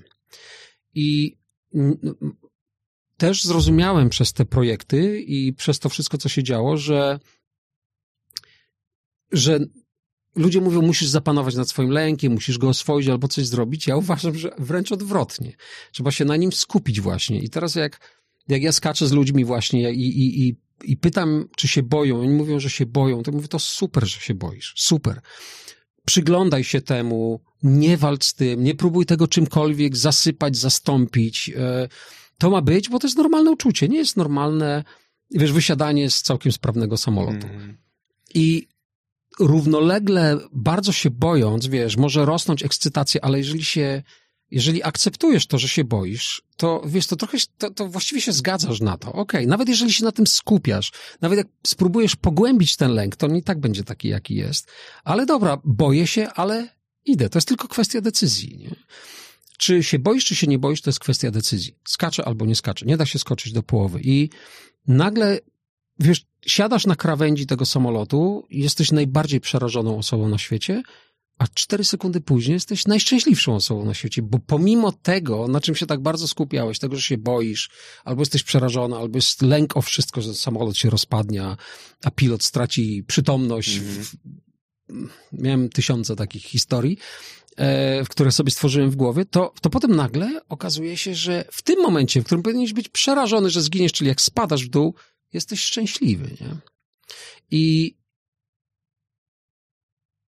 i ja, ja w tym znajduję coś znacznie głębszego niż sport. Mhm. Skoki nie są dla mnie sportem, tylko, tylko spotkaniem z sobą samym. Wiesz, I one, w związku z tym, że to jest wszystko tak skumulowane i się tak bardzo dynamicznie dzieje, masz szansę na to, żeby spojrzeć na siebie z różnych perspektyw. To tak jakbyś przez minutę przeleciał nad górami. Tu wiesz, wielkimi, tu Everest, mhm. tu coś tam, tu dolina, albo jeszcze więcej zobaczył, tu morze, tu ciepło, tam zimno i, i widzisz piękno tego świata i tak samo możesz zobaczyć piękno swojego wewnętrznego życia, nie? że... Czyli poznajesz tam trochę siebie.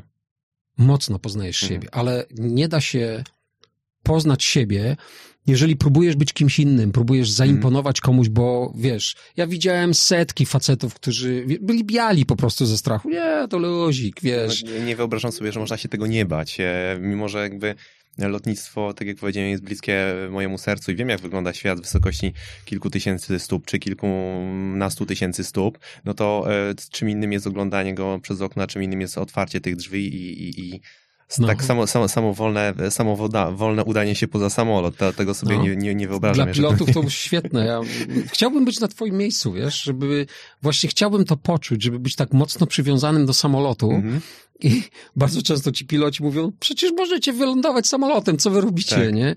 I chciałbym właśnie wiesz, móc spróbować z akceptacją tego wszystkiego, tych e, tych przekonań i schematów mm-hmm. i procedur, żeby, żeby, żeby wyskoczyć. To jest nie? trochę jak z, z, bardzo dobrym filmem, który ty już oglądałeś, a ktoś jeszcze nie i, i, i, i trochę mu zazdrościsz, że on jeszcze ma to tak. przed sobą i jeszcze, jeszcze tak. może to, jeszcze może e, to obejrzeć, tylko na, na zupełnie inną skalę. Ale dobrze, Tomku, no bo każdy, ty, ty też jesteś człowiekiem. E, czy w tej drodze, teraz mam na myśli tę drogę, możemy się skupić nawet tych, na, na tym skoku najwyższym, który jest tuż przed tobą.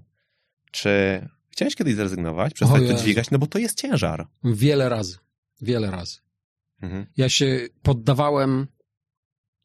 Wiesz, to jest. Yy, jak powiedział Konfucjusz, człowiek nie przewraca się o góry, tylko o kretowiska. Mm. I zasypują cię kamienie, wiesz, te kamienie, te, te ziarenka piasku to jest setny, dwusetny, trzysetny człowiek, który cię zignorował, który ci... Wiesz, jak mi tylko przez pięć lat dwie osoby powiedziały, nie wchodzę. Tylko mm. dwie. Powiedziały wprost, nie wchodzę w ten projekt, nie? A reszta, A reszta po prostu nie, nie, odbiera telefonów, tak, nie odbiera, nie odpisuje. Mm. Tak, tak, świetny pomysł, wchodzę tu, pomagam w ogóle, mm. wiesz.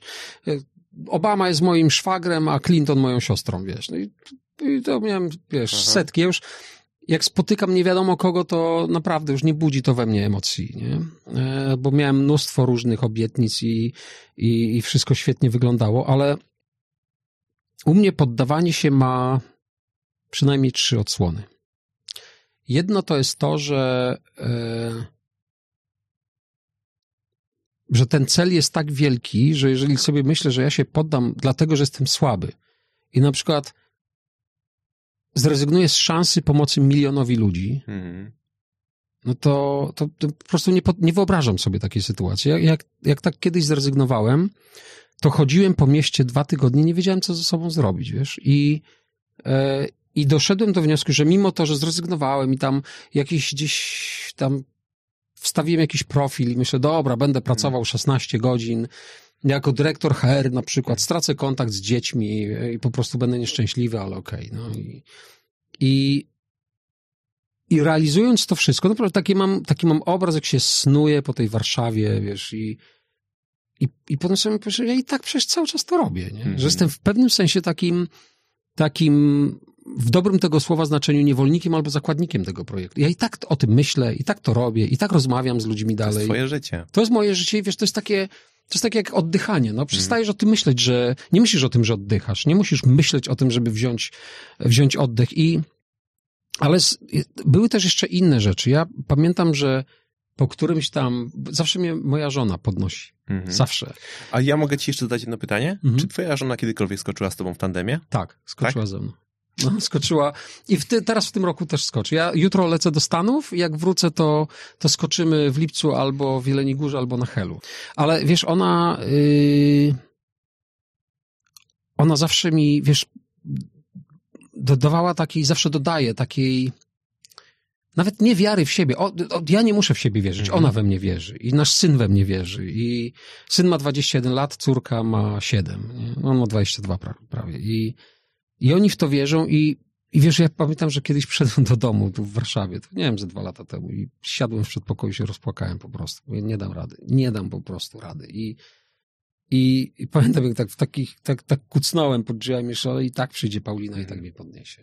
Okej, okay, a czy ty myślisz, e, że mm, twoja żona Paulina też boi się bardziej za ciebie?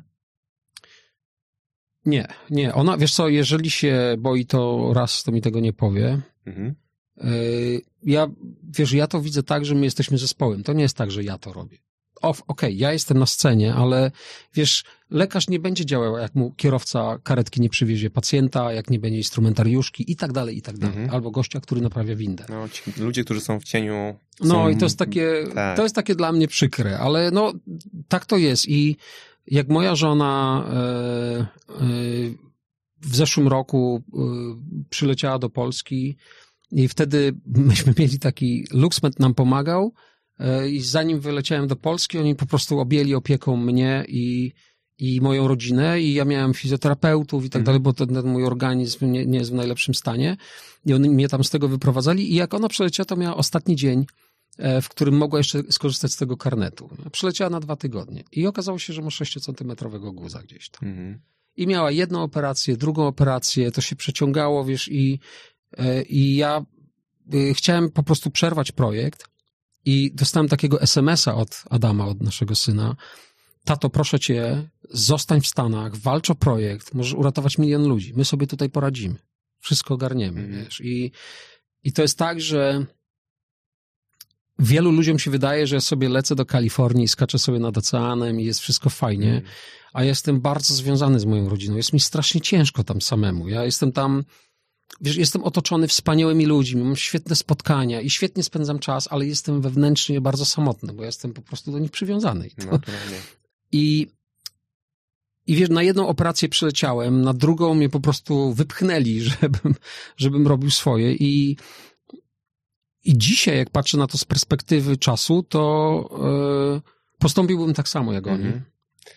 I, I to mnie jeszcze bardziej wzmocniło, bo, bo mi to pokazuje, że oni tak samo myślą jak ja, wiesz, jest, jest coś ważniejszego niż nasze zdrowie. Yy, no, no dobrze, to wiesz, to jeszcze ci zapytam o jedną, o jedną rzecz, bo to, to jest bardzo wymowne. Robert Karaś e, całkiem niedawno ustanowił rekord świata w dziesięciokrotnym Ironmanie mhm. E, i całkiem niedawno również napisał na, na, na swoim Instagramie takie, takie oto słowa. Jednostki biorą udział w grze, zespoły pokonują przeciwności. To jest trochę nawiązanie do tego, co, hmm. co teraz mówisz o swojej rodzinie i, i wiesz, że to jest twój najbliższy zespół i najważniejszy zespół, ale chciałbym też podpytać, i to może odpowiedzieć jednym zdaniem ile czasu potrzebowalibyśmy tutaj spędzić, gdybyś chciał z, z imienia i nazwiska wymienić każdą osobę, która mm, sprawia, że ten projekt jest możliwy? Wiesz, to, to zależy w którym momencie. Mhm. Myślę o, o Paulinie, Adamie, Lechu Wałęsie i Mirosławie mhm. Termaszewskim, którzy nigdy we mnie nie zwątpili, bo, bo, bo reszta zwątpiła, ale potem jak się przyłączają osoby takie jak Kevin Lynch albo Dan Carey, który mhm. stworzył wszystko, co jest w Star Treku, co oglądasz, albo inne osoby, e, czy z jakiejś rodziny Soprano, czy z innych filmów, mhm. nie, nie, nie, nie, nie wszystkie te nazwiska chcę teraz ujawniać, ale e, ale gdybyśmy też dopisali do tego cały sztab techniczny. Nie, i... to to, sam skok to jest 120 hmm. osób. Czyli, e, czyli... Nie, to, to, to są do wieczora byśmy siedzieli któregoś Dłużej. dnia. Dłużej. Wiesz, bo na przykład e, projekt 100 to 38 osób. Mhm. Ja chciałem wszystkim zapłacić, nikt nie wziął ode mnie pieniędzy. Nawet za paliwo nie brali pieniędzy. E, pamiętasz film Układ Zamknięty? Oczywiście. No to jeden z, e, z główny bohater tej historii też nosił mi spadochrony. No, człowiek, któremu, któremu ja chylę czoła, Paweł Rej. Paweł, pozdrawiam cię. No to jest, to jest, to jest niezwykłe, wiesz, i tam, tam byli tak różni ludzie i ja nie mogę powiedzieć, że projekt Jump for the Planet to jest tak, zajmuję się nim od 17 września, kiedy pięć lat temu podjąłem decyzję, że będę to robił. E, zresztą to też było niezwykłe, bo ja, to były moje urodziny, siedziałem z Bartkiem Węglarczykiem i mówię mu, wiesz co, ja to, ja to będę robił. Ja podejmuję taką decyzję, że ja spróbuję to zrobić. Mm -hmm. I, e, i on mówi do mnie, wiesz co, może masz jedną dziesiątą procent szansy, ale jeżeli ktoś ma to zrobić, to ty. I no ja wtedy, myśmy jedli śniadanie. Przyjechałem do domu i mówię, Paulina, wiesz co, ja mam taki pomysł. Wpadł mi jakiś czas temu do głowy, ale chyba spróbuję to zrobić. Właściwie podjąłem decyzję, że będę to robił. Chcę skoczyć taki bardzo wysoki skok i zrobić globalną kampanię pomocową. I Paulina pierwszy raz mi powiedziała, nie zgadzam się, absolutnie. I mówi, podpiszesz mi notarialnie, że tego nie zrobisz. A ja, ja nie, ona mnie zawsze wspierała we wszystkim. Tak, wiesz, czy ona jaja robi sobie ze mnie, czy... Ja mówię, Paulina, ja przecież i, i za tym Bartkiem mówię, ja może mam jedną dziesiątą szans na to, żeby to zrobić. A ona mówi, nie, jeżeli ty coś postanowisz, to ty to zrobisz. I ja wtedy pomyślałem, kurde, ja mam szansę. Jeżeli ona tak sądzi, to znaczy, że ja mam mhm. szansę. Wiesz co, chciałem cię, ciebie zapytać e, po tym, co mówiłeś i to, to, to pytanie zrodziło się kilka chwil, temu w kilka chwil temu w mojej głowie. Czym w twoim słowniku, jaką rolę w twoim życiu odgrywa pokora? E, y... Ja nie wyważam otwartych drzwi. Mm. Procedury są napisane, wiesz, po prostu nie świrujemy, nie? Chociaż robimy dziwne rzeczy, ale ja wam to nie jest coś, nad czym ja pracowałem i co po prostu yy, zdaję sobie sprawę z tego, jak potężna jest natura, wiesz, i, mhm. i rozumiem też, że yy, trzeba z tym współpracować. No, my jesteśmy częścią tej natury i jeżeli będziesz spadał w powietrzu i będziesz walczył nogami i rękoma, to wpadniesz w końcu to, w taki wir, że nie, nie, nie jakby, ale jakby absolutnie zmierzam do tego, bo nie wiem, czy to dobrze wybrzmiało, że właśnie ja widzę w tobie pokorę, tak, tak, ja ogromną też... pokorę i ja też z doświadczenia, spotkania z ludźmi, którzy osiągali i, i, i e, robili rzeczy niebywałe, robili rzeczy, które w głowie się nie mieszczą. Bardzo często świat postrzega ich właśnie jako takich buntowników, którzy zawsze idą pod prąd i są niepokorni, zawsze e, są gotowi, żeby spojrzeć prosto w słońce, a ja właśnie mam takie wrażenie, że to są ludzie, którzy mają sobie ogromne pokłady pokory, tylko czasem ta pokora jest zlokalizowana w trochę innych miejscach. Wiesz co, to jest tak, jak, jak ktoś chce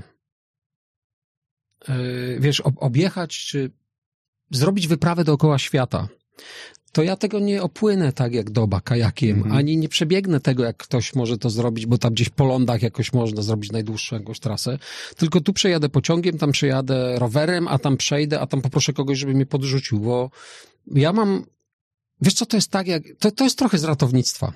Jak myśmy się wspinali, zresztą dwa dni temu byłem w Sokolikach, Przypominałem sobie, jak tam trenowałem z Krzysiem Czarneckim, moim guru, szefem wyszkolenia karkonoskiej grupy GOP wiesz, jak patrzyłem na te, te, te ściany, które tam pokonywałem, to było takie wspaniałe, ale pamiętam, jak on nam powiedział. Mówi, słuchajcie, my nie jesteśmy wspinaczami. Na, na szkoleniu wspinaczkowym. Jeżeli masz chwycić za, za, za punkty jakiś tam, za jakieś kolucho, czy coś, gdzie się wpina ekspres, czego na przykład wspinacz nie dotknie, bo to wtedy jest droga niezrobiona, my jesteśmy ratownikami. My mamy się tego chwycić, bo nasz cel to dostać się na górę na przykład i zabezpieczyć mm -hmm. tam człowieka. I i w tej chwili zdaję sobie sprawę z tego, że może to gdzieś mi zapadło w mm. pamięci i ja, ja mam cel do osiągnięcia i to nie jest tak, że ja zrobię wszystko, bo, bo ja chcę to zrobić uczciwie, otwarcie, chcę zbudować globalny projekt, który jest uczciwy i uważam, że to się da, mm. nie? Ale jeżeli, wiesz, jeżeli ja mam, ja nie będę trenował balonem bo on zużyje mniej, wiesz, czy mhm. mniej. Po prostu muszę to robić, bo ja mam ograniczony czas, bo, mhm. bo świat tonie i trzeba pomagać ludziom. nie wiem, czy sobie zdajesz sprawę, że walką o tą sprawę i, i swoją postawą ma szansę zarazić ludzi odwagą do tego, żeby oni zrobili swój pierwszy krok. E, e, swój pierwszy skok. E, I myślę, że ty masz bardzo dużą szansę, żeby wpływać na, na ludzi, na ludzkie życie na, na, na bardzo, bardzo wielu polach. I myślę, że tak trochę na koniec chciałbym ci zadać pytanie, które zadaję, zadawane ci jest bardzo często, ale myślę, że ta odpowiedź powinna wybrzmiewać jak najczęściej, dlatego ci je zadam mimo wszystko. A mam jeszcze drugie, e, które jest pytaniem zdecydowanie rzadszym, przynajmniej ja nigdy go nie słyszałem, a jestem bardzo ciekaw twojej, twojej odpowiedzi, twojej diagnozy. Pierwsze pytanie to jak e, my możemy pomóc ci w tym projekcie? Jak Warszawie, jak, nie wiem, ktoś, kto postąpa, stąpa po ziemi w Gdańsku, w Krakowie, może ci e, pomóc w tym projekcie? Oczywiście Yy, może dać to, o co ciężko mi prosić, czyli wejść na stronę jumpfortheplanet.com i po prostu tam jest po prawej stronie zakładka wesprzyj projekt i, mhm. i wpłacić jakieś pieniądze. Wiesz, podam ci prosty przykład. Jak robiłem projekt 100, to DHL się do mnie zgłosił. Nie chodzi mi o to, żeby robić reklamy. Po prostu się do mnie zgłosili mhm. i powiedzieli mi tak jeżeli chcesz skorzystać z naszych samochodów, przestrzeni magazynowej, to dajemy ci to wszędzie w Polsce. Mhm. Ja tylko raz tego to wykorzystałem, czy dwa razy, jak przywieźli wózki, żeby rozdać to dzieciom, gdzieś tam część tych wózków też przewieźli. I, i to o to chodzi, jeżeli ktoś ma jakiś pomysł, albo ma kogoś znajomego, albo, wiesz, to jest tak, czasami ci Polacy doprowadzają mnie gdzieś tam do jakichś osób na świecie. Mhm. Jest dużo ludzi, którzy znają, nie wiem, miliarderów, przedsiębiorców, wiesz, e, e, gdzieś tam Rozmawiamy z firmą, która ma urządzenie, które wiązką laserową przesyła dane z Marsa, gdzieś tam na jednym z mhm. tych łazików. To są tego typu rzeczy. Wiesz, ludzie, jeżeli ktoś dostrzeże potencjał w tym projekcie, to to wiesz co, to, to, to tak, że ludzie sami na to wpadną, mhm. nie? Wiesz, co się wydarzyło? Jakiś czas temu, ze dwa lata temu, napisał do mnie e, e, jakiś człowiek i napisał, że wiesz, bardzo mi się podoba twój pomysł, ja nie mam pieniędzy, nie jestem w stanie cię wesprzeć, ale napisałem piosenkę. Ja puściłem kilka, jestem jazz fanem w mhm. ogóle, mm. słucham dużo gatunków muzyki, ale kocham jazz i puściłem, a tam był jakiś taki trochę rapujący, trochę elektroniczny dźwięk, ja nie, nie bardzo to kupiłem, nie? I, i nie przesłuchałem tego, ale jak ludzie do mnie piszą, ja wszystkim odpisuję, jak tylko mogę. No mm. na, mhm. po, po projekcie 100 napisało do mnie w jedną noc ponad 2000 osób, ja wszystkim tym ludziom odpisałem. Nie było to łatwe, ale, ale tak zrobiłem. I, I pomyślałem, no muszę temu człowiekowi odpisać.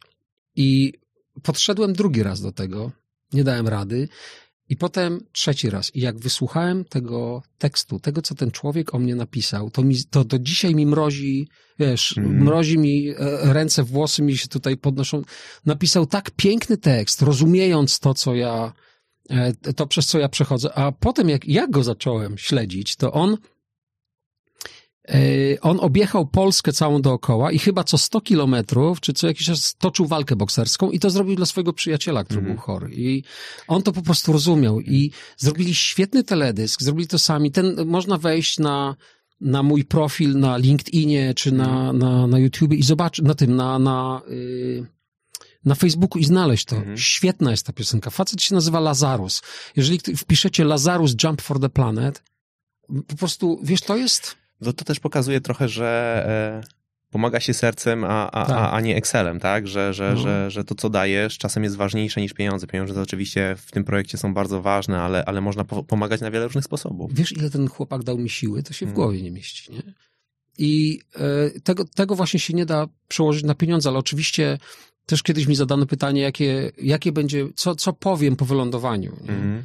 Ja się, ja natychmiast odpowiedziałem i sam się z sobą zaskoczyłem, bo to jest rzecz, którą bym y, pomyślał o sobie jako ostatnio, ale zapytam, ile mamy pieniędzy. Mhm. Bo to ostatecznie pokaże, tak. ilu pomożemy ludziom. Mhm. Ale mi się wydaje, że, że sam skok to będzie, to, to, to tak naprawdę do skoku to będzie się zbierać, ale skok spowoduje, że otworzą się drzwi do tego, żebyśmy mogli wspierać inne projekty, pomagać innym ludziom, którzy tak jak ja zmagają się przez całe lata, tak jak Wiesz, wiesz, to będzie ten kamyczek, który rozpocznie tę lawinę. Tak, jak, wiesz, ja to widzę dzisiaj, na przykład jak ja, ostatnie 10 lat mojego życia, kiedy tworzyły się te projekty, wiesz, i ja e, walczyłem z tymi lękami, rozumiejąc, że z nimi nie można walczyć mhm. i wtedy dopiero zmieniasz ten wektor. Ja dzisiaj mogę wziąć człowieka na godzinę i jeżeli ze mną skoczy, ja go przygotuję do tego i poświęcę temu czas tak jak chcę, jak kocham, jak, jak, jak czuję, że trzeba to robić, to ten człowiek może to osiągnąć w mhm. godzinę. To, Jasne. co ja, wiesz, osiągałem Jasne. przez 10 Dobrze, lat. Dobrze, Tomku, to ja ci zadam jeszcze drugie pytanie, które uważam, że jest bardzo ważne i ja go nigdy nie usłyszałem. Gdzie według ciebie mogą szukać pomocy ludzie tacy jak ty, ludzie, którzy mają ten pierwiastek, który, który pozwala zaprzeczać grawitacji, ludzie, którzy mają pomysły, ludzie, którzy chcą zmieniać świat, ale nikt ich nie słucha. Co byś im doradził?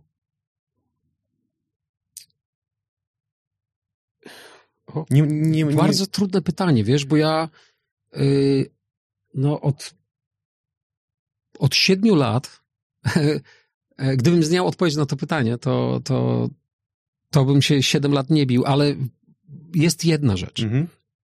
która jest na pewno ważna, że wszyscy mówią, nie możesz się poddać. I rozmawiam, David Beaver pracował z Michaelem Jacksonem, z astronautami, z różnymi ludźmi i on mi mówi, wszystkich ludzi sukcesu, z wszystkich branż na świecie, jakich znałem, łączyło jedno, nie poddawali się. Mhm. Ja natomiast, w związku z tym, że ja się poddawałem wiele razy, dostrzegłem jeszcze jeden poziom wyżej. Możesz się poddawać, ale rób swoje. Jak, jak chcesz zrezygnować ze skoku, możesz rezygnować. Skoczysz zrezygnowany, proszę mm -hmm, bardzo, okay. ale skacz, nie? I... Yy, gdybym dzisiaj był na początku te pięć, tego projektu, te pięć lat temu, to y, na pewno bardziej ufałbym intuicji, mhm. bardziej szedłbym za głosem serca, co nie powiedziałbym tego pięć lat temu, bo tylko biznes, tylko pieniądze, to musi...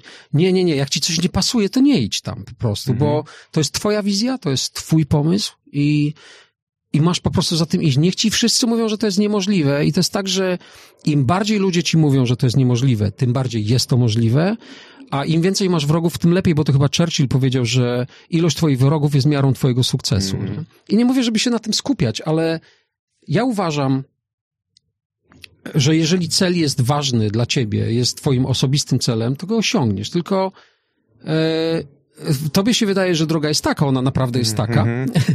ale ostatecznie prowadzi do tego samego jasne. punktu, który sobie wybierasz. Jasne, jasne. Świetna rada, świetna rada.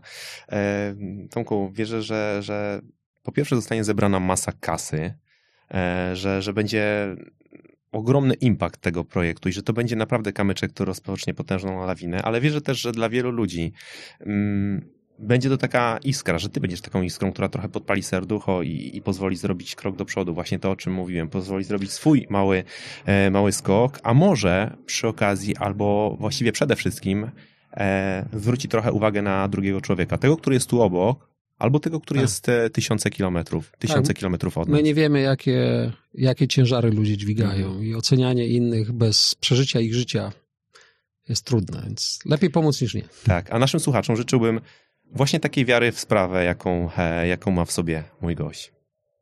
Tomasz Kozłowski, bardzo Ci dziękuję. Dziękuję bardzo.